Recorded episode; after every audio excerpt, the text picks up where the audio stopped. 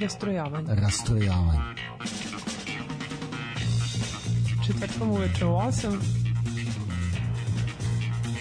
Uglavnom uživo. Rastrojavanje.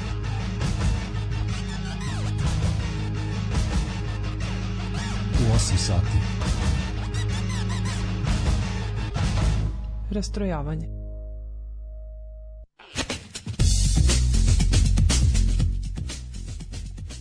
Smiljavac ti. Da, evo ja ću. Ćao, ćao svima. Nešto mi razmišljam kako mi je brzo došao četvrtak, kad imaš vanredno izdanje sa Brankom, znači nikad brže. E, jes, stvarno, ovaj, ja sam mislio da, da neće doći nikad, pošto sam ovog gosta jako dugo čekao, stvarno. Ovu gošću. Ovu gošću, da. ok, ovaj, uh, hoćeš ti da je predstaviš? Pa naravno. E, naša gošća večeras, Vanja Đurić, novinarka, trenutno tako televizija 1.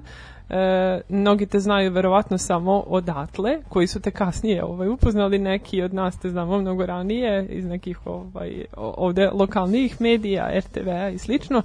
I onda, kao, ovaj, ja bih jako volela da, da nam se ti tako malo i predstaviš za one koji te ovaj, ne znaju, za one koji te znaju da te još bolje upoznaju, pa da nam kažeš malo kako ovaj, posao kojim se baviš, šta ima u novinarstvu trenutno, kako se to promenilo zbog društvenih okolnosti i slično. Je li ima nešto novo u posljednjih godina?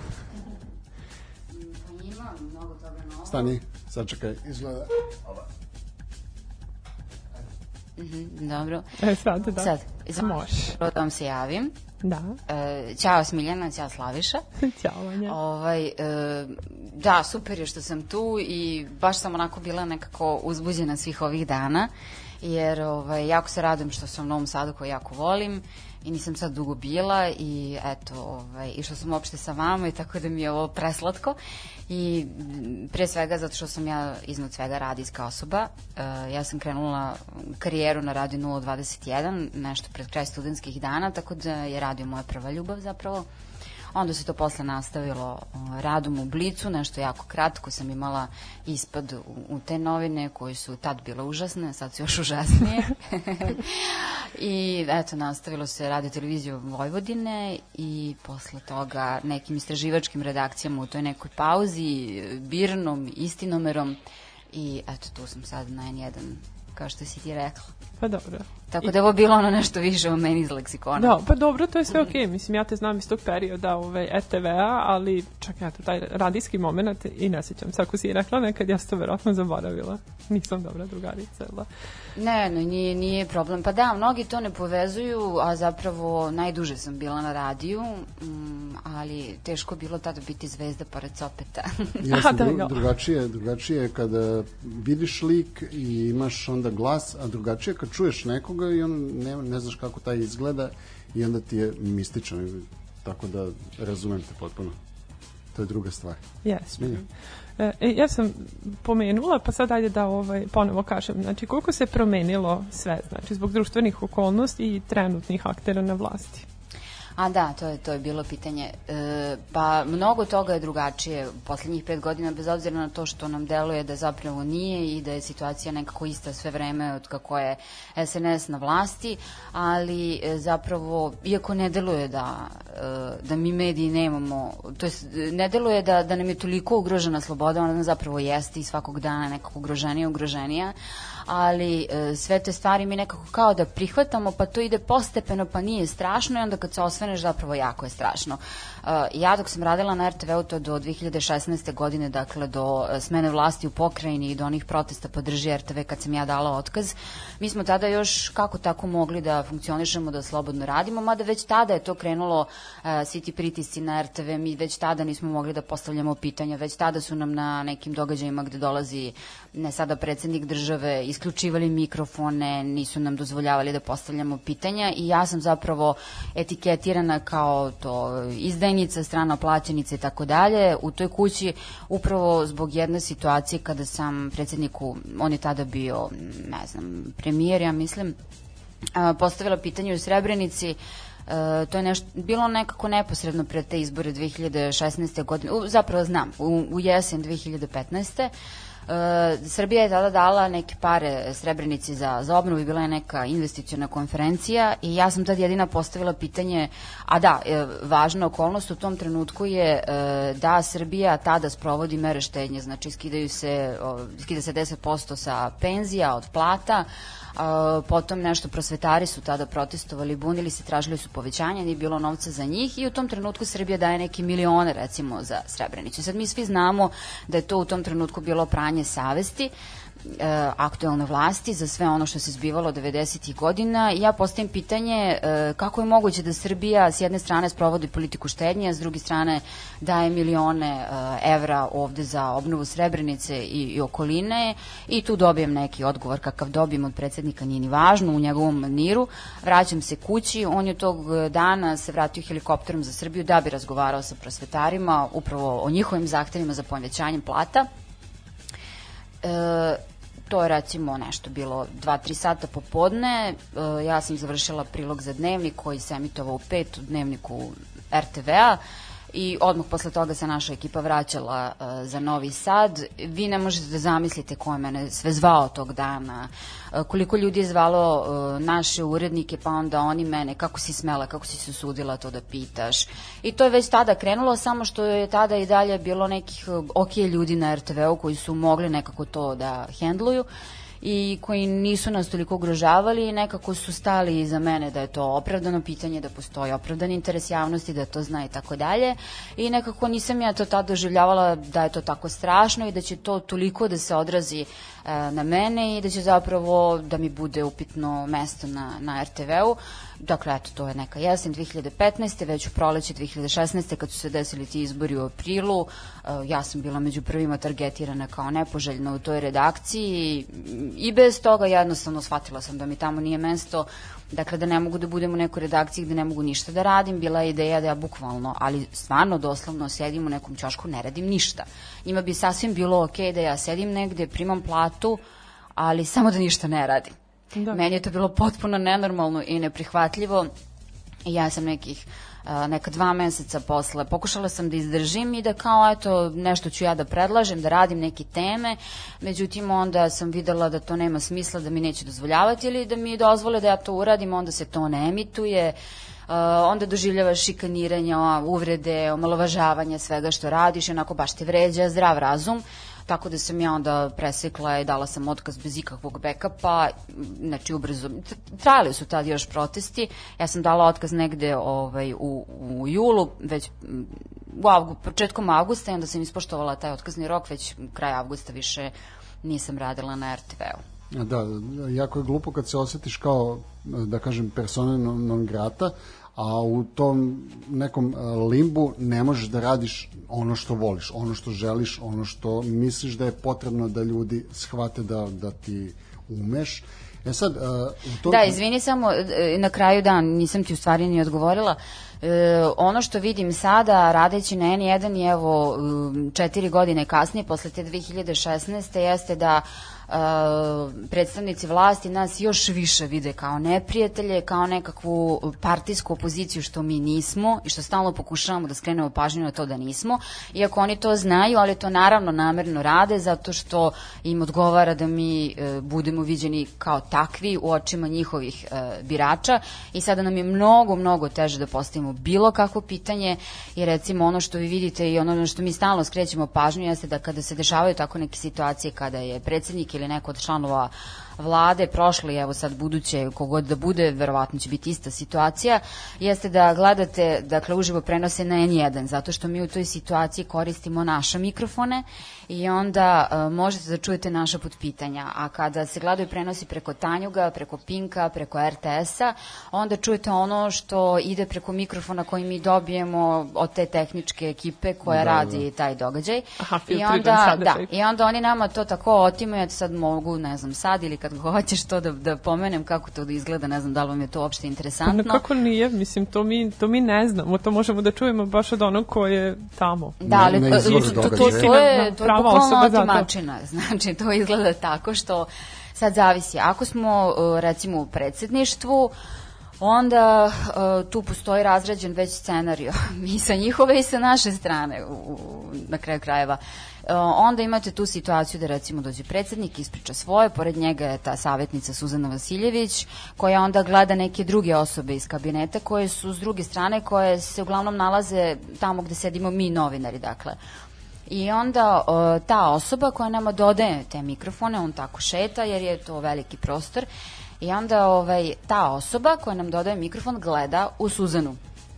Ako ona klime glavom, onda je ok, onda nam ta osoba da mikrofon, a vrlo često vi vidite da one komuniciraju, da šalju SMS-ove ili šta već jedna drugoj ili jedno drugom i onda ovaj, e, ta osoba pošalje Suzani SMS i kaže, ne znam, Vanja se jedan hoće da pita to i to, onda ova kao uradi odmah na glavu kao ne može ili kao može, sve je ok, a vrlo često onda ona gleda u predsednika, onda ako on kaže, ako njemu treba tog dana za njegovu predstavu da ima taj moment, evo, pitajte vi sa N1, onda će oni nama da dozvoli da nam postave pitanje. Ali to je tako jedna predstava koja je do detalja razrađena i vi već znate otprilike taj scenariju da će to tako da bude i ok, to tako prihvatite ali onda kreće ta borba za taj mikrofon.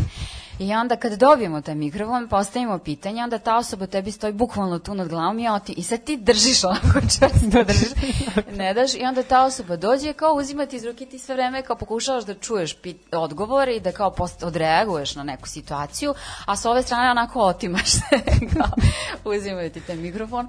I onda neko da uspeju da nam otmu, jer kao glupa stvarno situacija pred svim tim ljudima i pred drugim kolegama, pa nekad ti tako bukvalno istrgnu iz ruke, jer ti pokušavaš nekako da budeš u toku ovaj, sa celom tom situacijom a nekad ja tako čvrsto držim i zadržim i ne dam i onda to izgleda, recimo sad poslednji put je to tako bilo, ne znam, kada je ono bilazi ovu bolnicu koja je u zgradnji, da, da. koja će biti da. ovaj, u Batajnici i to kad sam dobili što mi onako potpuno sumara ta situacija, možemo i o tome da pričamo kao š, zašto ispadamo kao heroji ako postavimo da, da, da. pitanje, jer meni je to Samo potpuno, sam čekala, ali sam ti dala, pro, dala sam ti prostora da nam ovo ispričaš, zato što je e, iz našeg ugla i ovako kada pričamo smešno je, mislim, smešno jer je tragično, bukvalno. Ali, Pa jest, ali, to ali ceo taj moment ja ne smijem da zamislim koja je to neprijatnost vama, jer ti ono treba da se izboriš za da uradiš ono što ti je posao. Kao, e, važi, otimaću se. Kako, kako ja gledam na to, mislim, a, ja, treba im stvarno ovaj, skinuti kapu za to što, što su prilično organizovani u tom svom besmislu. Znači, ti imaš jednu osobu, pa drugu osobu, pa treću osobu koju ćeš ti možda u nekom trenutku pitati, a nego ono što hoću da pitam, kako vi hendlujete to što, što on vas i dalje naziva američkom televizijom, a Amerika je sad nama ono, mislim, najbitniji strateški partner. Pa mi se trudimo stalno na to da podsjetimo, ali to prosto e, ima smisla e, kada podsjećate ljude kao što ste vi, kao što su bilo koja, kao što bilo koja druga osoba koja razume stvari, koja je, ima i malo mozga i koja može da razume celu situaciju i ceo kontekst kao pa, kakav absurd sad do nas kao nešto to etiketira i proziva, a sa druge strane i te kako nam je važno Amerika u raznim nekim ovaj, situacijama sada i procesima i potpuno smo okrenuti njima i oni se bave ostalom a, tim sada odnosom između Beograda i Prištine i tako dalje i te kako imaju ovaj, upravo mnoge stvari koje se dešavaju ovaj, u Srbiji. I na kraju krajeva bila mi je recimo jako zanimljiva i simpatična situacija skoro kada se pojavio onaj uh, snimak da će, ne znam, jezero Gazivod da buze da je jezero Trump i posle toga Vučićeva reakcija na to je bila pa dobro, vole naši ljudi dole Trumpa, šta vam to čudno kao, čemu je problem? da. Tako da, ovaj, da, to, to onako jeste zanimljivo, ovaj, pa mi kao novinari se nešto ne bavimo time mnogo, nekako se uvek trudimo da dobijemo odgovor na ono pitanje koje smo postavili, ono što nam je tema i što nam je važno, što je ostalom javnosti važno. Sad, oni će uvek da etiketiraju, vi kad pogledate to, uvek jedan e, set floskula koje on izbaci, ne znam, e, opozicija, tajkuni, Đilas pokrili 619 miliona, ne znam šta, pa uhapsi ih ako su pokrili. Da, Mislim, je li imaš dokaze, evo nikakav, ovaj- nikakav problem. Tako da mi se nešto time ne bavimo, ali se uglavnom trudimo, eto to, da nekako to strateški... zaboli malo to, kad, kad, kad te nazove stranim plaćenikom i... Pa zaboli me, naravno da me zaboli, naravno da nije prijetno i da ja to onda moram da objašnjavam nekim ljudima koji su mi, ne znam, familija i u ostalom doživljavaš te napade preko društvenih mreža, m, targetiraju te, prete ti, onda imaš te desničarske grupe koje ti jednostavno onda to tako prihvate. Ok, jasno je da su to ljudi a, koji su usmereni, to je sve dirigovano, jasno je da njima zadatak da to rade, ali bez obzira na to što ti znaš da je to njima zadatak i da odakle to sve dolazi, nije ti prijatno. Naravno, naravno da nije. Da, naravno. Da čujemo neku muziku sad. Da.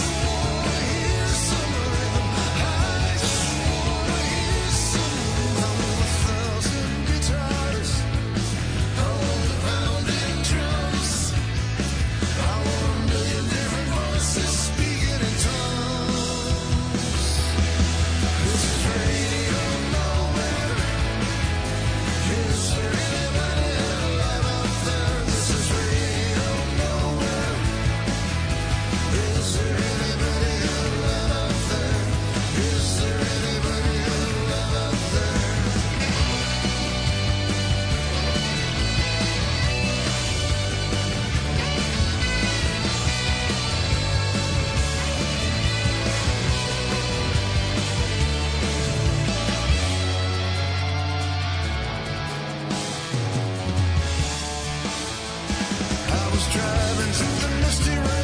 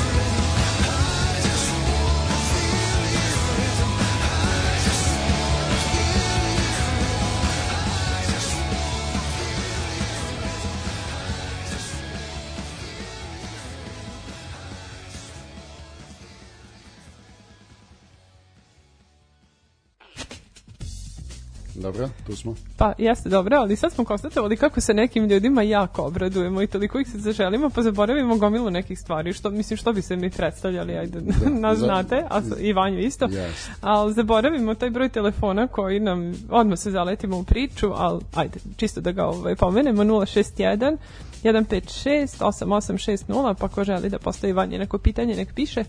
Ili da je samo da je pohvali, pozdravi. ili, ili da je pozdravi, naravno, tu Da, tu primamo smo za sve, da. Ove, e sad, Čekaj, malo se, malo se nisi čula. Biće bolje. Mhm, dobro, hoćete E, sad biti sad, okej. sad je dobro. Ovaj, e, načeli smo samo ovaj, tokom tvoje prethodne priče, pa da, da nastavimo e, taj moment, jer danas hrabrost postaviti pitanje, pogotovo tako nekom bitnom kao naš da li se ti sad osjećaš hrabrom što si postavila Da, da, da, pa to, to je bilo slavljeno ovaj, onako na Twitteru. Da, ja ne mogu da verujem, ja, ja ne mogu vama da opišem koliko je to, koja je to količina komentara, ovacija, svega. Ja sam bila kao, čemu se radi, šta vam je ljudi. E, a kaži mi kako, Zato kako što je... za mene to nije herojstvo, a nažalost, i opet kažem, veliki caps lock, nažalost, postalo je. I meni je to onako baš jako, jako poražavajuća stvar što se novinarstvo svelo na to.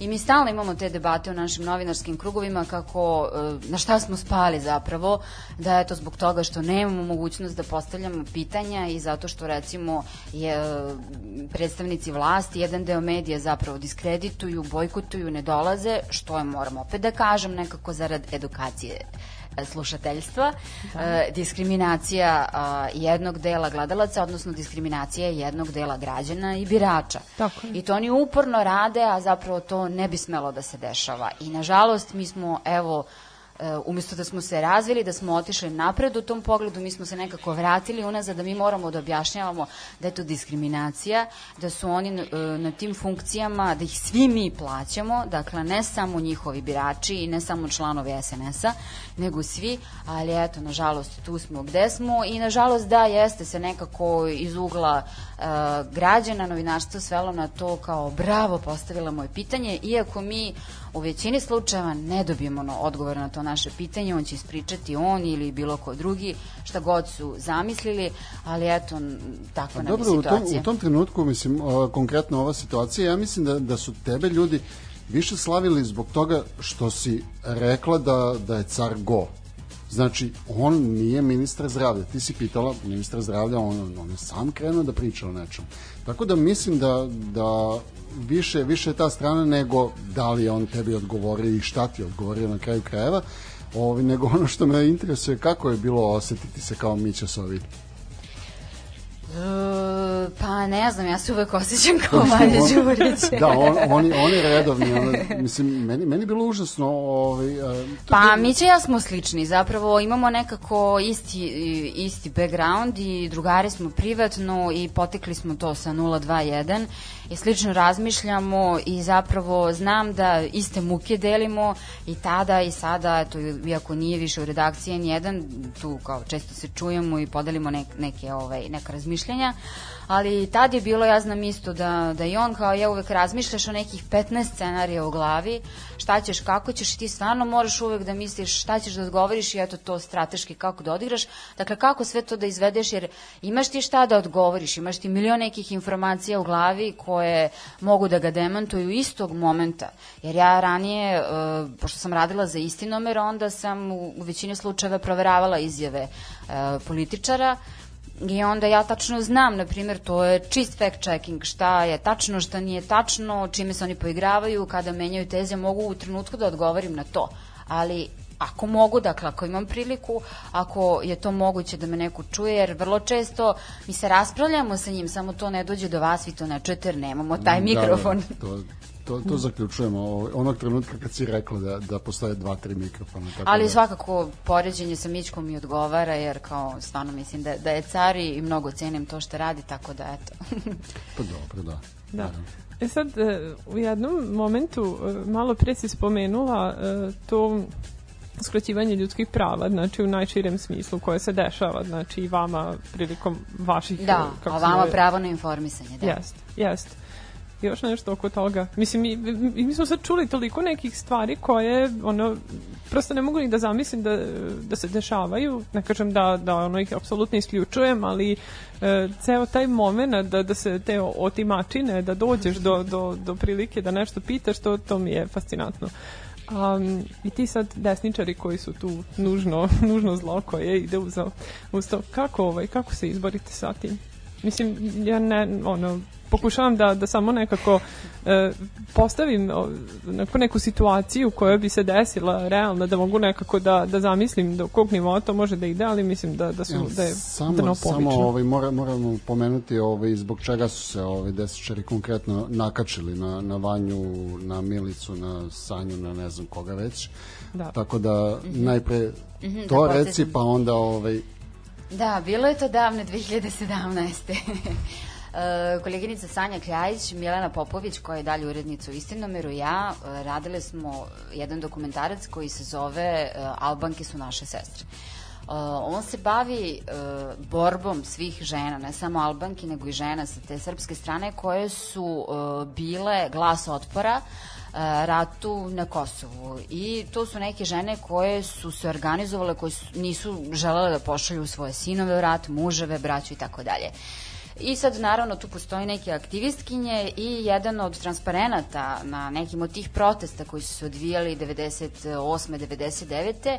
Uh, bio je Albanke su naše sestre. I mi smo zapravo uzele taj uh, dakle tu parolu sa, sa transparenta i tako smo nazvale taj film.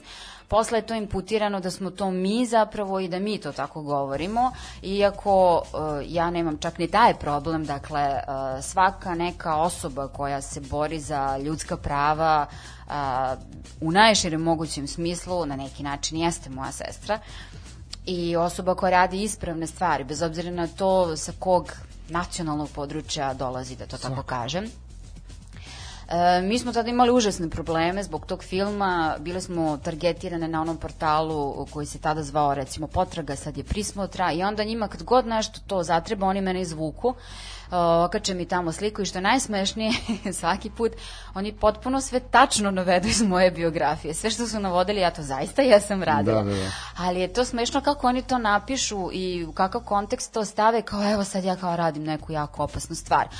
A zanimljivo je isto tako da oni, e, što se tiče tog filma, su uvek navodili da se mi sad tu bavimo silovanjima Albanki, kako je to činila srpska strana. Dakle, nije da nije, postoje dokazi o tome, ali se mi u tom filmu ne bavimo time. Da, da, da. I sad naravno ti to kad tako napišeš, ljudi kojima to odgovara da to tako prihvate, neće ni pogledati film, neće ni razmišljati o tome. Mi smo dakle tada pokazali kako su zaista postojali neki ljudi u Srbiji koji su želeli da se odu pro tom ludilu i tom sukobu, nisu bili za rat a e, tada je predstavljeno, naravno bilo je jedno umlje, Milošević je bio na vlasti, potpuna blokada medija na primjer, e, žene koje nama pričaju iz Kruševca nisu znali šta se dešava u Beogradu. Ljudi u Beogradu šta se dešava u Kruševcu i da postoje tamo nekakve oaze ljudi, da se tamo, ne znam, mladići šalju na Kosovo, da ratuju, pa onda, ne znam, priča dezertera, zašto je čovek dezertirao i tako dalje. E, tako da taj film nam je stvorio e, mnogo problema, Uh, i svaki put i onda su oni mene tu izvlačili kasnije i dve i mi smo to prijavile i išla da dajemo izjave u tužilaštvo za visokotehnološki kriminal. Što najsmešniji, naš advokat je jako brzo našao osobu koja stoji iza tog sajta. Tužilaštvo je trebalo još, ne, ne znam, godinu dana. I onda su ga našli. Evo ja sad recimo nemam informaciju sa tom, šta je sa tom osobom, da li ona kažnjena ili nije. I koji je status vašeg slučaja? Ne, ne znam. A ja, kažem Mislim kao pronađen je, ali ja kažem ja ne znam da li je kažen na taj portal i dalje postoji.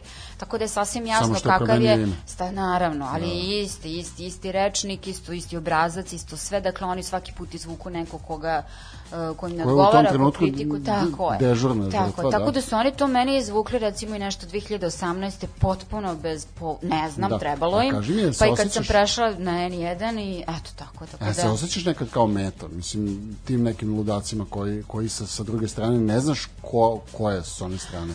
Pa osjećam se uvek. Osjećam se uvek kao meta zato što uh, ne osjećam se kao njihova meta zato što sam nešto prilično sigurna da oni nikad ništa neće da urade više od toga osim tog targetiranja koje nije prijatno. Recimo te poruke i ti komentari koje smo mi dobijali na Facebook, to je bilo prestrašno. Ja sam tad baš, baš sam se loše osjećala i onda sam morala posle da se kontrolišem da to ne čitam. Čak sam u nekom trenutku kao htela da im objašnjavam i da popravljam stvari, da kažem nije to onda kao Ali posle. čemu? Sa kim ti ulaziš u Da, da, da. raspravu? Da. Ovaj, tako da je to potpuno sumanuto bilo jer jasno mi je da su oni tu pod zadatku da moraju to da napišu, da tu nema nikakvog ono, zdravorazumskog razgovora. Ovaj, ali se osjećam kao e, meta nekih tako drugih običnih ljudi. I ja i svi drugi ljudi iz NGO sektora kojima se stalno crtaju te mete na čelo, zato što e, to jeste negde okidač za obične ljude kojima je jako lako to imputirati da smo mi upravo to mrzitelji Srbije, strani plaćenici, šta sve po redu ide tamo. Tako da ja mislim da će onda ta osoba jako lako da prsne i da nekako shvati da je sasvim legitimno da me napadne. Tada kada se to desilo prvi put 2017. godine, stvarno se uopšte nisam osjećala bezbedno ja sam imala situaciju da idem Novim Sadom koja onako baš doživljavam svojim i tu gomilo ljudi poznajem i nekako sam stvarno u neko razno doba noći išla kroz grad, nisam imala nikakav strah. E tad sam počela da ga imam i da se osvrćem ko ide iza mene i onda jedno vreme nešto nisam ni izlazila uveče i tako dalje, onda sam se opet toga oslobodila, tako da nije, nije prijatno i malo. Da, to te verujem. Ajde mi to potražimo tu mesto za sebe.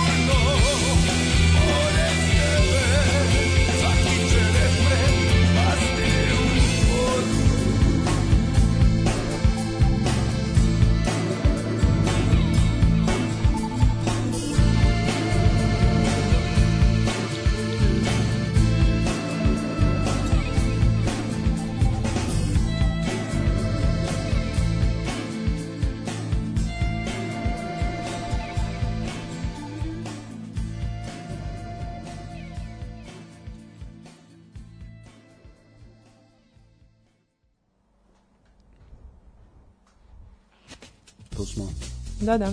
E, načeli smo jednu jako ozbiljnu temu i s tim u vezi poruka e, da li e, da li imaš podršku, sestrinsku, feminističku, da li postoji, ko je pruža? Možeš i da zamisliš ko pita. Tako da. Da, da, da, imam, imam podršku, naravno, naravno, tu su i koleginice i kolege i moram da kažem novinarska udruženja i recimo u toj nekom prvom naletu napada e, nas je zastupao advokat nezavisnog društva novinara Vojvodine koji će uvek da stane uz novinare bez obzira na to da li ste im član, niste član, članica i druga novinarska udruženja ostalom NUNS svako malo podsjeća na to šta mi prolazimo, kakve napade trpimo. Uvek su oni nama na raspolaganju i tu možete dobijete besplatnu pravnu zaštitu u ostalom. I to mi je onako super i nešto što mm, razlog zbog kog kao, ajde eto, ne gubim veru u ovo društvo da i dalje ima recimo advokata koji hoće da nas zastupaju pro bono. A Da. kol, koliko dobi, jel često dobijaš ove, ove mislim, evo, kao, kao ovde sad, te moralnu podršku da, da, ti neko, da te tapše po ramenu, da ti kaže ej super si ovo uradio, super si ono uradio ili da uopšte na, na celokupan tvoj rad gleda sa odobravanjem. O, osim ljudi naravno koji te poznaju. E, pa, ako gledamo Twitter, dobijam. e, tamo su neki ljudi koje ne poznajem, na nekim drugim mrežama su uglavnom ljudi koji privatno znam, koje srećem, tu su mi, ne znam, sestra, prijatelji, porodice, tako dalje, partner, tako da, da, da, da. I ima, imate podrške i simpatično mi je uvek, na primer, gomila nekih ljudi se zahvali N1 što onako doživljavam ovaj, i nekom pohvalom za ono što ja radim, jer sam eto delić tog tima i tamo stvarno radi jedan, eh, jedna takva ekipa ljudi koja onako timski igra, što meni jako prija i na što sam u ostalom baš jako ponosna i mislim da je izuzetno, izuzetno važno u ovim, a i svim drugim okolnostima kada na čelu jednog tima imaš uh, urednike, producente koji te podržavaju, koji te ne sputavaju, sa kojima možda različiš te dileme i koji će isto tako da, da odreaguju, dra, odreaguju i da te, da te zaštite. Tako da, recimo, to je nešto što na RTV-u nisam imala, tu je onako bila baš večita borba i nekako večita podela, jer je tu potpuno nekako drugačija struktura ljudi i način na koji funkcioniše ta kuća, potpuno mi je to neuporedivo uh, sa N1. Da, i apsolutno neprirodno jednog novinara sputavati u njegovim slobodama.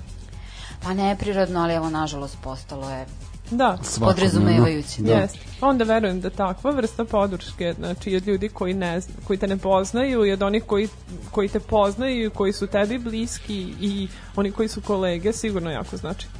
To me onako baš nekako trgne i osvesti, evo to što sam pričala malo pre, meni je to kao podrazumevajuće, nama je posao da postavljamo pitanja, ja nisam ništa uradila vanredno i ništa tako herojsko, meni je to posao, dakle, potpuno normalna stvar. Ali onda e, kada vidim te komentare, kada ljudi to objasne koliko to njima znači i koliko je ovo jedan potpuni mrak i koliko onda oni vide kako stvari stoje i kako njima znači to što mi radimo i da smo im zapravo eto to i sad ću reći tu frazu, jedino svetlo u tunelu, onda nekako pomislim, pa dobro, hajde, ok, ako, su, ako tako stoje stvari, nema problema. Evo, neka bude herojstvo postavljanja pitanja. Pa da, dobro. Nego, uh, hoćemo sad na, na onoj, onaj deo Beograd, Novi Sad. Novi Sad je ipak uh, tvoj grad, Novi Sad je mesto gde si ti odrasla, Novi Sad je mesto gde, gde su tvoji prijatelji Jeste. i dalje ostali. Da. Kako sad hendluješ to? Mislim, nije to daleko stvarno, ali ipak treba, Za nas negde. jeste, znaš, mi kad treba da idemo u Beograd, to je jako daleko. Ipak treba ne, ne, neko vreme stići i šta, šta radiš? Recimo eto to sad u putu od Novog Sada do Beograda ili kad, kad dolaziš? Mislim ja recimo često uh, kad dolazim u Novi Sad pa vidim ga tamo negde u daljini i ono kao postane mi srce veliko. Znaš ono kao je kao stižem u svoj grad. da. Bukvalno kad ugledam avija pumpu kao uh, to je to, tu smo. Pa jako se radujem, jako mi uvek prija i jedva čekam svaki put. I dalje mi je to grad u kom se odmorim, opustim, tu su mi prijatelji, sve mi je dalje tako slatko i tu sve je blizu, sve nekako. I volim ja taj moment da gde god se pojaviš, tu neko da te, ko, će, ko te poznaje, koga pozdraviš, kome se javiš. Nekad mi je to onako opterećujuće i malo me nervira što nemam vremena za sve ljude ali s druge strane volim, volim ja taj moment kad e, kao moram potpuno ono da popunim dan da, da bih se videla sa svima i kad to ide čak i na sat i to me onako izmara jer kao ranije dok sam živala ovde kakva agenda, kakvo dogovaranje bukvalno pustimo poruku jedni drugima i gde si, evo tu bezec, Mogu, mogu, tu ajde, sam, idemo. ne znam, evo tu smo svi i nekako skupimo se tako spontano. To mi baš jako nedostaje. Dobro, sad je korona, vanredne okolnosti potpuno, pa tako da to ne funkcioniše, ali eto, bit će opet sve kao nekad, pa to su neke stvari koje me nedostaju, ali s druge strane, e, ja sam osoba koja tako ima potrebu da okuplja ljude, tako da ja imam i neku ekipu u Beogradu, koja je dosta slična uh, i deli slične vrednosti, sluša sličnu muziku ovoj koju imam tu u Novom Sadu, pa mi one nekako to nadomeste i čak sam počela i da ih spajam i upoznajem, pa onda oni kao, a je da čekamo da dođemo u Novi Sad, vole da dođu ovde, da ovde izađu, vole, počeli su da vole neka mesta i ovom prilikom specijalno da pozdravimo Banjičkog Ološa, to je moj novi beogradski drugar. E, to, to je odgovor na Drug pitanje. kraja je jedan super, super lik, tako da, ovaj, eto, mnogo mi je drago što mi je, na primjer, Beograd njega doneo u život. Lepo. da. Koje, odgovor ima na tu koje sad još pitanje? neke ekipe, da. Da, izvini, samo sam čula, to je odgovor na pitanje. Koje pitanje? A, na, na od- odgovor na pitanje da li sluša, da, sluša Daške i Mlađu. Da, sluša Daške i Mlađu. Ja, da, da, da, naravno. Pa znači, ako Vanju. ne stignem, Može ona da slušam... kaže da ne sluša, nije da, uopšte da, problem. Da, pa slušam, slušam od radija As zapravo. I tad je ono kao, ka, većina ljudi verovatno nervirala me muzika, pa kao to isključiš, pa pustiš njih dvojicu, onda sam i tako dalje pratila i sad dobro privatno se poznajemo. Ali ovaj, slušam i dalje, sad ne mogu baš da postignem tako često kao ranije, nekad to kad se spremam malo mi je onako teško ujutru, zato što pustim paralelno sve ove televizijske jutarnje da bih sve pohvatala, pa onda kad je neki dosadan sagovornik, malo njih, pa tako spremam se, idem na posao, nekako to sve da postignem ili, jer ne, ne mogu da postignem posle da slušam ovaj, odloženo. Ali e, htela sam samo još jednu stvar da kažem u odnosu to Beograd, Novi Sad. E, pričali su skoro njih dvojica baš o tome kakva je hrana. E, evo ja recimo stalno imam tu, e, e, stalno to ponavljam kao da ljudi koji se bave ugostiteljstvom u Novom Sadu, to rade u Beogradu, oni bi bili milioneri, oni i frizeri. Znači, ovde kvalitet usluge i cena, to je onako stvarno presmešno, jer kao dobiješ dobar kvalitet za malu cenu, a u Beogradu dobiješ krš kvalitet, a jako je skupo. I gomila nekih e, mesta na koje volim da idem da jedem ovde, jako bih voljela da oni postoje u Beogradu, jer kao molim vas dođite da naučite ove Beograđane kako se Ali to jednostavno, radi. jednostavno i da odu tamo možda ne, ne bi bilo isto. Znaš, Pa, malo, malo dru, drugačije, a, mislim, jako je glupo govoriti, znaš, drugo je podneblje, drugo je sve, ali jeste, drugo, druga je neka kultura. I količina ljudi i to je, ja mislim, neka ključna razlika odnosu e, između Beograda i, i Novog Sada, što je tamo stvarno o, sad jedna ogromna količina ljudi i saobraćaja svega i mene to recimo, to me zamara i nervira, iako postoje neke stvari koje u Beogradu volim. Uh, ali taj moment da recimo ako hoću da odem, ne znam, u neku radnju, u tržni centar, znači isključivo u tu jednu, znam tačno gde ću da odem, ja znam da to ne može bez dva sata. I već kad vidim taj, tu gomilu ljudi, taj red, već sam se umorila kao ne mo, ja ovo ne mogu, kao odustajem. A ovde nekako ti je to sve tu blizu i znam da ću, znam gde šta se, na, vrlo brzo ću sve da obavim. Tamo to nije slučaj. I, i druga zanimljiva stvar mi je recimo kada kažem da sam iz Novog Sada, mada prepoznaju to svi po govoru, svi odreaguju, jao, slatko, kako ste vi u Novom Sadu pristojni, kako je tamo sve super. I to im je neka, meni je to preslatko kako oni imaju, kako oni sliku imaju u Novom Sadu i Novosađanima, nekad mi deluje, ja onda nekad izgovorim, a dobro, ajde, nije baš da smo ostali ono u 19. veku, nije da možete da vidite Branka Radičevića u Karlovcima, fijaker na ulicama, ali to tako nekako zamišljaju i dalje. Imaju neku vrlo romantičnu sliku ovaj, kada govore o Novom Sadu i tako sećaju se nekog Novog Sada iz 80. godina da kao, dobro, ipak su stvari malo promenile, Da, nije baš tako. ali ne želiš jednostavno da ih podsjećaš na to. Boje, lepše ovako, neka, neka da žive u svom... Slatko mi je, Pa da. da.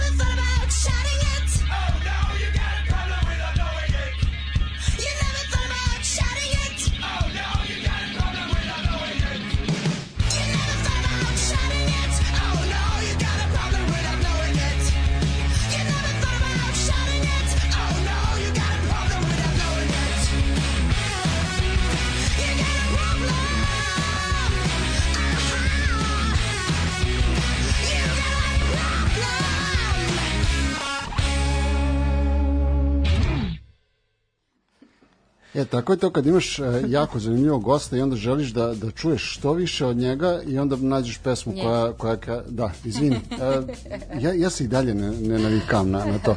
Ovaj, se, tako, tako je to, pa tako je to kad imaš, e, ovako, Da, da, da, tako je to kad imaš jako zanimljivu gošću i onda hoćeš da čuješ mnogo, mnogo od nje i hoćeš da čuješ šta ona ima još pametno da kaže i onda nađeš najkraću pesmu od benda ko, koji je ona sama tražila. Pa naravno, i onda ćeš, tako ćeš to prečuti sve od nje. Pa da. Dakle, Milice... O, Milice.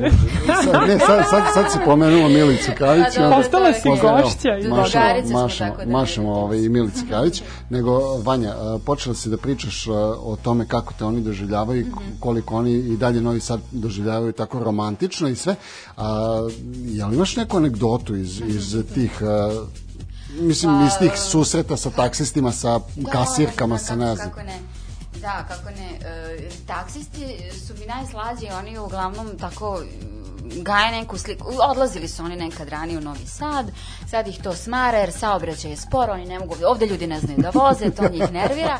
I onda kažu, a što smo lepo jeli tamo na tvrđavi u Petrovaradinu, jao, na onoj terasi, pa oni karirani stolnjaci, a meni odmah jasno, to je garant neka 85 Pa da, pa ili da. ono kao otprilike vreme ono Marije i Bobežikine dinastije otprilike znaš one plastične stolice i to i oni, oni su mi onako na, naj, najsmešniji ovaj, ali da ima, ja sam recimo do pre ovog života u Beogradu mislila da je mit to da ljudi ne znaju šta je gornjak i da se to samo koristi ovde. Ja sam originalno poreklom iz Bosne i u Bosni se takođe koristi reč gornjak za Texas jaknu. I ja pre nekog vremena, ne znam, sa nekom sagovornicom čekamo početak snimanja i sad kao to neko časkanje da se popuni vreme, da se upali kamera i sad kao, ja, znate te razgovor, ja, ima sunce, nema sunca, toplo, hladno, Da, tako da, je, da, kažem, da. ja, ba, baš sam se svrzla pre neki, baš sam se svrzla jutros, Rekao, evo, juče tako toplo bilo, bila sam samo u gornjaku. I ona onako bilo me gleda ništa ne reaguje. Ja kao, dobro, pali se kamera, idemo dalje. I sad sam ja pomislila da ona tu kao nije ništa odgovorila jer kao sad će krene snimanje, završili smo ovo kao chit chat. I ona kaže posle meni, izvini, a šta ti je to? Kažem, šta? Pa kao taj go, gornjak, mislim, ne razumem šta, šta si obukla, kao, kao neku duksericu, šta? Ja kažem, pa gornjak, kao, Texas jakna. Aha, to, pa ja kao, ti kažeš, meni je bilo glupo da te pitam, kao, pa ne znam, pomislila sam neko, ne znam, neki duks, neka jakna, nešto kao, šta god. I bilo mi isto kao simpatično, dobila sam dosta poruka kad smo radili proteste letos u julu.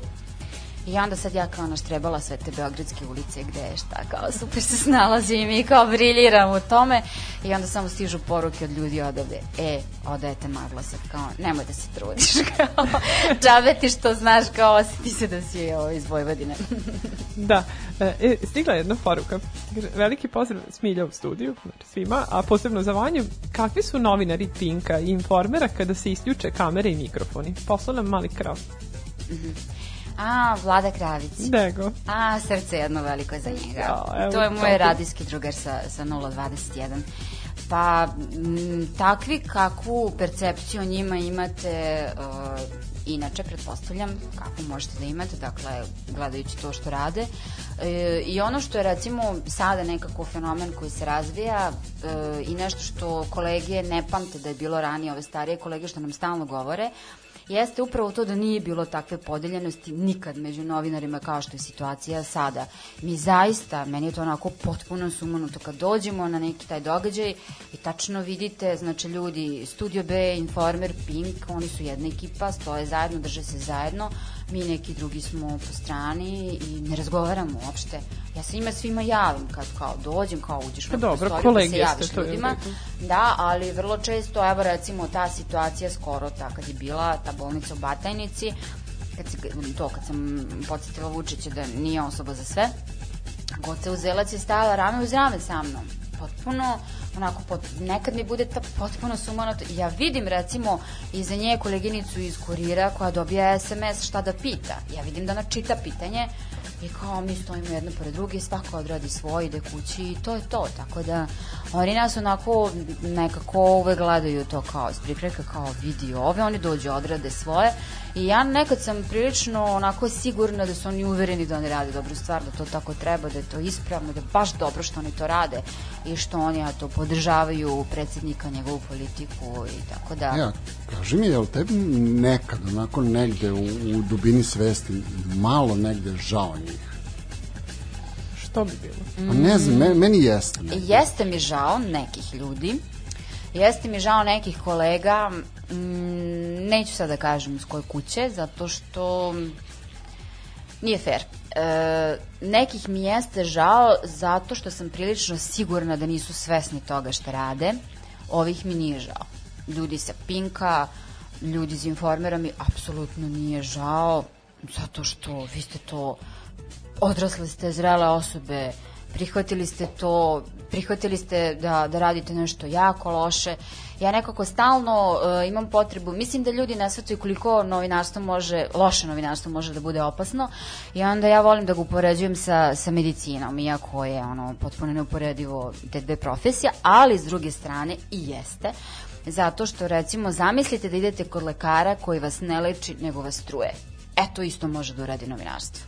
Dakle, može potpuno da zatroji, pokvari društvo, da unazadi i zapravo se suštinski bavi tvojom glavom i, i time kako ćeš ti da presuđuješ, da odlučaš, za koga ćeš da glasaš i kako će sutra da ti bude. Dakle, evo, vidimo svi kako to izgleda na delu. Ne, ono što, ono što mene, mislim... Uh, Tako da je na nama velika odgovornost, iako to ljudi ne shvataju i, i ne vide, dakle, ti možeš upravo to da budeš ono, doktor Mengele ili neka osoba koja radi ispravnu stvar. Ja, zašto je, zašto je meni konkretno njih žao? Zato što ja negde nekako mislim da, da su oni ubeđeni da, da rade pravu stvar. Pa To- kažem to je- ti, to je neki jesu, problem, neki ono, jesu, da. Mislim, i ti ljudi sa Informera i sa Pinka, ja mislim da oni negde u dubini duše veruju da je to što oni rade i kako oni to rade, da je to pravi Zato što način i to je otišlo u da neku um, potpuno drugu krajnost i e, zato što stalno gaji se to razmišljanje i tapšu se po ramenu kako su super strava, mislim, nisu oni to sami izgradili, to je jedna šira mreža ljudi i urednika i vlasnika medija i tako dalje. Dakle, ako tebi neko stalno ponavlja, mi stalno to zaboravljamo šta ponavljanje radi. Recimo, evo, to Vučić radi. I to uopšte nije bezazlano i nije nešto što treba da zanemarimo. Gebelsovska tak, taktika. Tako je, da. ti kad ponoviš nekoli, ti znaš da je to laž, ali ti ćeš je ponavljati, ponavljati, ona postaje istina. To rade neki moje kolege. I ti kad njih, kad njima ponavljaš, je baš ti je ovo super, baš je ovo dobro, baš tako treba, ti radiš pravu stvar za državu Srbiju, da- da to- to- oni, oni, ja, ja sam sigurna da neki od njih veruju da oni rade baš dobru stvar i da je baš strava što su oni ulizuju predstavnicima vlasti, iako to nama nikako nije posao. Dakle, mi moramo da budemo kritični prema svakoj vlasti. Mi smo korektiv društva, tako da Da, vidiš, prošle, to, to se zaboravlja. E, sad pričamo o tom društvu koje je tako kako je kod nas, ali prošle emisije nam je bila Branka iz Švedske Mhm. i pričala o nekom lepom, uređenijem društvu i šta oni to se tamo rade. E sad, pošto si i ti tamo provela neko vreme, Da. koje su tvoje iskustva iz Švedske? Pa malo ću da vam srušim Sneška. Pa, Izvoli. E, pa moj pogled na tu državu i na to društvo je nešto drugačiji. Ok, sad moram ovde onako jednu zvezdicu da, da udarim. Ja sam znatno kraće tamo ovaj, boravila u odnosu na Branku, tako da sasvim jasno da nam ne može biti isti utisak, ali i da sam nešto druže, pro, duže bila tamo, prosto drugačije su perspektive i svakom bi bilo drugačije. Sad tvoj utisak, njegov, moj, bilo kom društvu, bilo koje državi. E, ja nisam bila tamo srećna, iako e, je nekako to neko idealno društvo i neki ideal kom mi ovaj, svi težimo i stalno pominjemo te skandinavske zemlje kao nekakve uzorne, ja mislim da postoji ovde jedan malo onako romantičan pogled na to društvo. Ja ne kažem da ono ima nekih dobrih e, stvari, dobrih strana, ali sa druge strane mislim da je sa jedne strane to društvo prikriveno fašističko, a, surovo kapitalističko i ti ako nisi bogat ti si niko i ništa. I e, mislim da je jako problem zap, zapravo problem je to s koje pozicije e, nastupaš, s koje pozicije tamo odlaziš, kako ćeš da živiš, šta ti treba. Tako da meni je bilo tamo recimo beskrajno dosadno. I meni je to smrtno dosadno, znači ja tamo nikad ne bi poželjela da živim zato što je toliko nekako monotono, sivo, imaš gomilu neki, iako sam ja živjela recimo u Stokholmu koji je ono super grad, svega ima i to, ali e, za nas odavde neke stvari su jako nedostupne. Tamo ti možda imaš brdo para, a to meni nikako nije odgovaralo i bilo mi je baš nekako strašno da ja dobro shvatila sam da tamo neću ostati, bila sam iz nekih privatnih razloga da se neću baviti novinarstvom, da neću tamo biti ne znam koliko vremena, ali eto, pokušala sam, ja, ja sam pisala uh, za, za istinomer i za cenzolovku uh, neki tekstove ovaj, o švedskom parlamentu, o sindikatima u novinarstvu, o tome kako funkcionišu redakcije tamo. Ima tamo naravno dobrih strana, ali recimo vi kad pogledate njihov javni servis stvarno izgleda katastrofalno. Ali sa dru... ja uvek kažem nije to baš onako crno-belo, sivo je prosto. Ali sa druge strane, taj javni servis će recimo da pusti jednu istraživačku emisiju o malverzacijama u Švedskoj banci, koja je za to odgovorna kao jedna ozbiljna istraživačka produkcija, kako vi na našem javnom servisu nećete videti. Naročito da se istražuje nešto što je državno, nema šanse. Tako da to recimo potpuno pozdravljam, ali ono na svakodnevnom nivou teme su stvarno presmešne, ono, prilike ne znam, pojavio se medved u šumi. Mislim, stvarno Da. je i kako to svi izgleda Evo- evo tako sad- dalje. koliko ti je, izvini samo, koliko ti je bila teška ta odluka da kažeš, e, dobro, ja idem tamo i neću se baviti novinarstvom? Jako teška. Pa to, jako, jako teška i eto nisam mogla da se pomirim sa njom pa sam se uh, vratila i kažem pokušala sam i videla da zapravo negde sam rekla sebi da ja uh, nemam sad vremena, mislim sad da je ne, neka mlađa osoba u pitanju verovatno bi to drugačije prihvatila, rekla ok, ja sam sad na početku nekih 20 godina, mogu da savladam jezik, ja znam neki ljude koji se tamo bave novinarstvom, ali ne na tom nivou koji bi meni bio o, odgovarajući, zadovoljavajući, dakle ne mogu da naučim jezik tako brzo na tom nivou. Onda sam shvatila kad sam pisala te tekstove koliko rupa imam u znanju njihove istorije, kulture, parlamentarizma, politike, stranaka i tako dalje. Dakle, baš mi je onako trebalo mnogo vremena da provedem, da nešto naučim, onda sam odlazila u njihov parlament, odlazila u njihov o, istorijski vojni muzej da nešto još naučim o toj istoriji toj kulturi.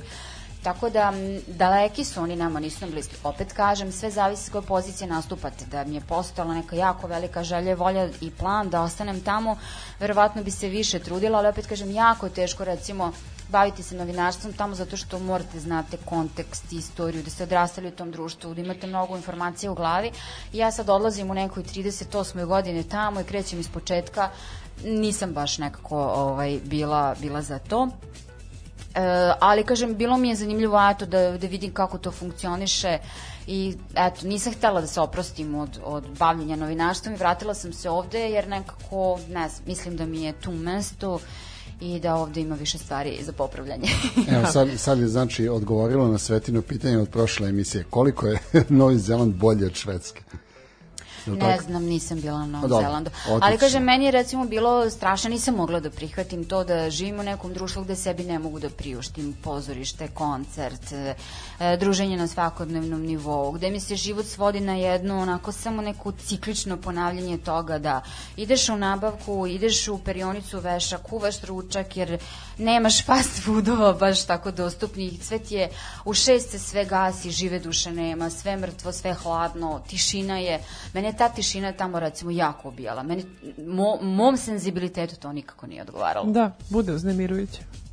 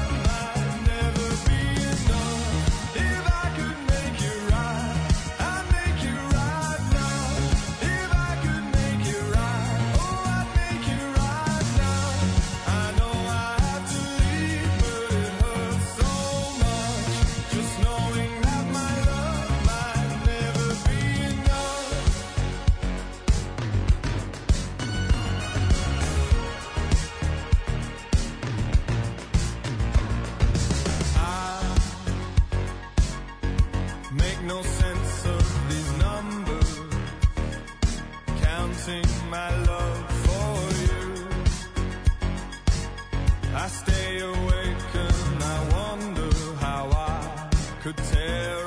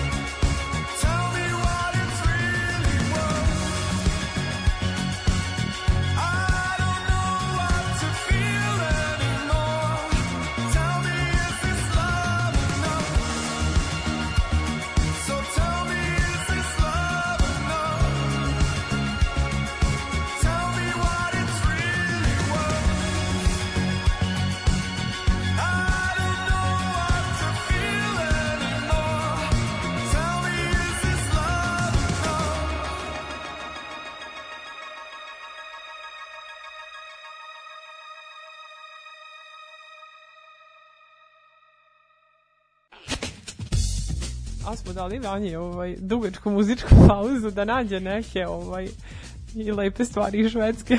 dali, dali smo ti pet i kusur minuta da se ispraviš. Da, zato što Branka je ovde po, počela da piše, pa kako to, pa za dušu si me ujela. Stani.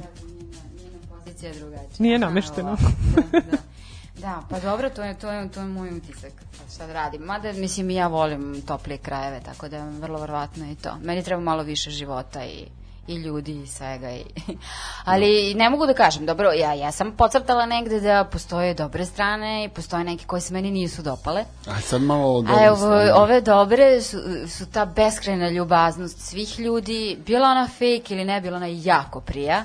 I to, ta srdačnost i to što su tako svi nasmejani i ja sam stvarno imala te momente kao nekako tako ti prija kad su svi, bukvalno kako ko sletim na taj aerodrom, onda vidim te carinike kao, "E", kao nasmejani onda. I to mi je recimo fenomenološki bilo zanimljivo šta sprečava e, ljude koji kod nas rade, e, ne znam, u radnjama, kasiri i kasirke, jer em, moram da naglasim, ni oni tamo kasiri i kasirke ne rade za nešto značajno više para, e, za njihove potrebe i za njihove cene, a isto tako ne rade nešto manje sati, rade jednako težak posao, ali su svi preljubazni, tako nasmejani i dragi, nekako ti to tako da neki elan i prijati i onda sam ja kad sam dolazila ovde tako budem ljubazna i onda kako sletim na taj aerodrom u Beogradu onako mi bukvalno sve padne u vodu i opet iz početka. Držim u stvari još nekoliko dana to raspoloženje i onda nekako splasne i prije jako taj osjećaj poverenja u institucije. To stvarno moram da kažem da je nešto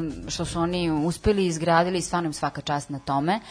I stvari koje su oni prepoznali jako davno da su bitne, e, to učešće e, građana u odlučivanju, e, učešće žena u odlučivanju, prošle godine su imali 100 godina od kako žene imaju pravo glasa, sam bi- baš bila na tim izložbama i recimo oni su jako pridavali pažnju tome, svuda po Stokholmu su bila nekakve instalacije, izložbe, mogao si da se informišeš i ti vidiš jednostavno kad su oni još shvatili koliko je važno da svi budu jednako zastupljeni u odlučivanju u parlamentu, da se svačiji glas čuje, onda kako funkcioniše njihov parlament, meni je to onako fascinantno. Recimo, žena koja tamo radi, koju sam ja intervjuisala prošle godine, ona je rekla da ona, njoj je nezamislivo da se tamo, na primjer, dogodi neki incident, verbalni, a fizički da nego to kao da neko nekog polije vodom ili nešto nasrne, to ne postoji. Znači, postoji neka kultura dijaloga što je meni stvarno fascinantno i kao svaka vam čast na tome. E, potom kako poštuju jedni drugi onda prošle godine bilo mi baš teško da formiraju vladu posle tih izbora jako dugo su bile bez vlade i tako dalje i onda ona pričala evo sad kao kada mi je odgovarala na to pitanje pa da evo sad malo imamo problem da formiramo vladu on se brzo ispravila nije to problem to je zanimljiva situacija to je izazov kao, jer kao što bi to bio problem Da, to je i druga percepcija. Pa, slažu se ljudi s tobom. Kažu da je odgovor po njihovom mišljenju standard, jer mi smo uglavnom nezadovoljni svime i to se odražava na uslušnoj delatnosti. Ja bi se tu negde i složila, zato što e, neredko mi se desi da onaj osjećaj komotnosti kada odeš u neku uređenu zemlju. Znaš, imaš tu neopterećenost s, životom tamo i to se odražava i na ljude koji su tamo. Mislim, bez obzira koliko oni zarađuju, prosto u njihovoj prirodi, mentalitetu je da, da budu... Ali opet ima veze sa tim koliko zarađuju i kako žive, šta već imaju obezbeđeno. Jer recimo mi uvek se vratimo na to da mi više zarađujemo, mi bi imali para za neke druge sadržaje. Ali nama je glavni sadržaj, glavna zabava upravo to šta je rekao Vučić, šta je rekao neko iz vlade. Jer vi vidite znači, koliko se mi bavimo time. Oni kad pogledate njihove medije, ok, bave se oni time, ali na dnevnom nekom nivou se da ljudi prepričavaju da im je to osnovni izvor neke zabave. Uh, sad, ok, njihova zabava ide u nekom drugom smeru koja je meni recimo presmešan. Ne znam, u Stokholmu sam vidjela na trgu imaš tako te emisije koje oni snimaju, koje se emituju kod njih na o, javnom servisu, tako ti neki razni reality, ne znam, napravimo kuću, ono, svadba u jednom danu, nismo se nikad videli pa se venčavamo ili to pevamo svi zajedno. Mislim da se tako nešto zove ta emisija, kao pevajmo svi zajedno. I onda se oni tako okupe na trgu i imaju tu neku pesmu, uzmu ne znam iz kog perioda, kao da mi sad, sad svi pevamo čolo recimo. Da, da. I onda imaš voditelje te emisije, to se snima tu gomiletina nekih, bukvalno neko kao narodno poselo. Tako da, ali, znaš kao, to, to njihov sadržaj, potpuno su rasterećeni i recimo što mi je bilo presjajno, ja sam bila, znači, 2018. godine na tom evropskom prajdu, koji je bio stvarno jedan festival i ti vidiš gde su oni i koliko su daleko otišli kada se na Pride ide porodično, znači metro, vozovi, sve je bilo puno i nisi mogao da uđeš u voz da odeš, znači ceo grad je bio u tome i kad vidiš jednu porodicu, dakle mala deca, roditelji i svi idu zajedno da podrže druge ljude koji kao i niko te ne gleda kako izgledaš, imaš šerpu na glavi, jesu ti pane čarape, to jako prije. Da, da. A to je ove, to što si rekla sad, za, oni, oni nemaju te probleme koje mi imamo ovde, da, da, da ti svaki dan vidiš šta je rekao ovaj, šta je rekao onaj. Branka je prošli put to pomenula, a, ti si poslednji put obraćanje premijera imao sad, jeli, u martu, kad je, kod njih zapravo, u Švedskoj, kad je izbila ova situacija sa, sa koronom, a pre toga si imao 2003. kad je ovaj naš, jeli.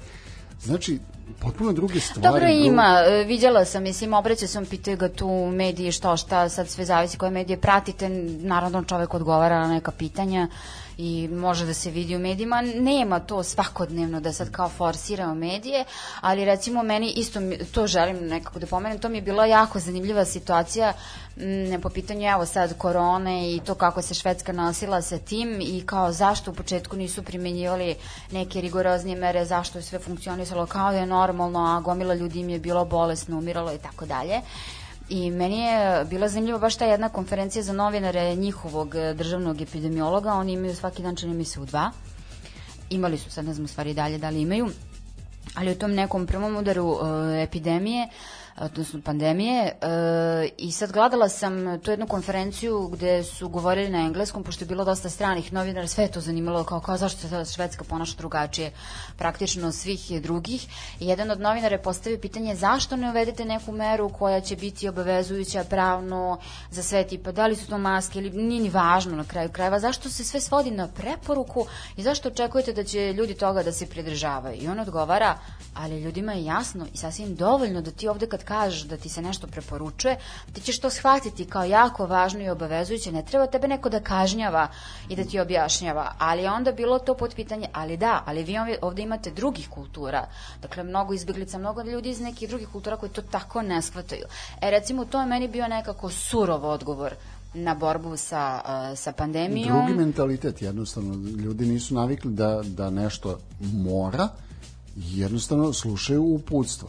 Kod nas to nemoguće za, za, za izvesti. E, pa jeste, upravo to je kulturološka razlika. Tebi ovde je potrebno da te neko kažnjava i da te neko tera, da ti kad imaš nešto kao preporuku ti to nećeš shvatiti. Tamo su ljudi na tom nivou da ok, jer mi je preporučeno, ali to za moje dobro, nikakav problem da se ja toga pridržavam. Ali kažem, malo jeste problematično to što moraju da imaju na umu da imaju nekih e, drugih kultura. E sad kako se oni nose sa tim izbjeglicama, gde su, šta su, to mi je nekako tema potpuno za neku drugu priču. Dobro, hoćemo na, na smešna pitanja sad. Može, ono za, za spomenara.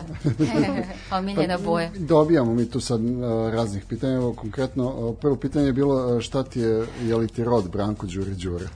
Nije. Dobro. Onda te pitaju... Mada e, da, bilo bi simpatično da jeste, pa kao Meni- nađemo se nekom meni- meni ja- familijarnom okupljanju. jako, jako lepo pitanje mi je a, kakav je šolak privatno? Nemam pojma. Pa da, ali ti radiš koji kod njih, znači. Nemam pojma. Nisam čoveka nikad srela. Dobro, onda uh, samo da Za vidim. potrebe programa, jesi. Verujte, i ja kao i vi samo vidim njegovu sliku na sajtu. Kada nešto, Zašto nemam pojma, zašto bi ga se oglasi. znao, Da. E, ništa, ćemo mi da se rastajemo polako, da privodimo kraju. Smiljo. Smilja, Smilja tamo sluša i dalje, ovaj, čita pitanje, hoće, imaš neka pitanje, nema?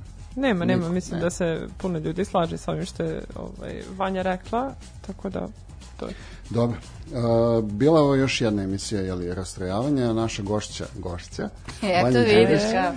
Naučio si sa sati 15. I Smilja i ja smo bili tu. Ako vam se sviđa ovo što slušate, nećete plaćati Patreon, nego samo budite tu i sledeći četvrtak. Hvala Vanja još jednom što si bila naša gošća. Hvala vama, ćao. Ćao, ćao. Ćao, drugari. Rastrojavanje. rastrojavanje, Četvrtkom uveče u 8. Uglavnom uživo. rastrojavanje.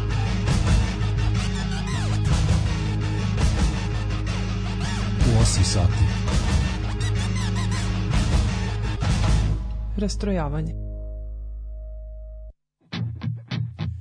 I kad vjetar kaže stani Kada rasturi me Kada kroz prozor padne Zvijezda pogledaj me Kada ubije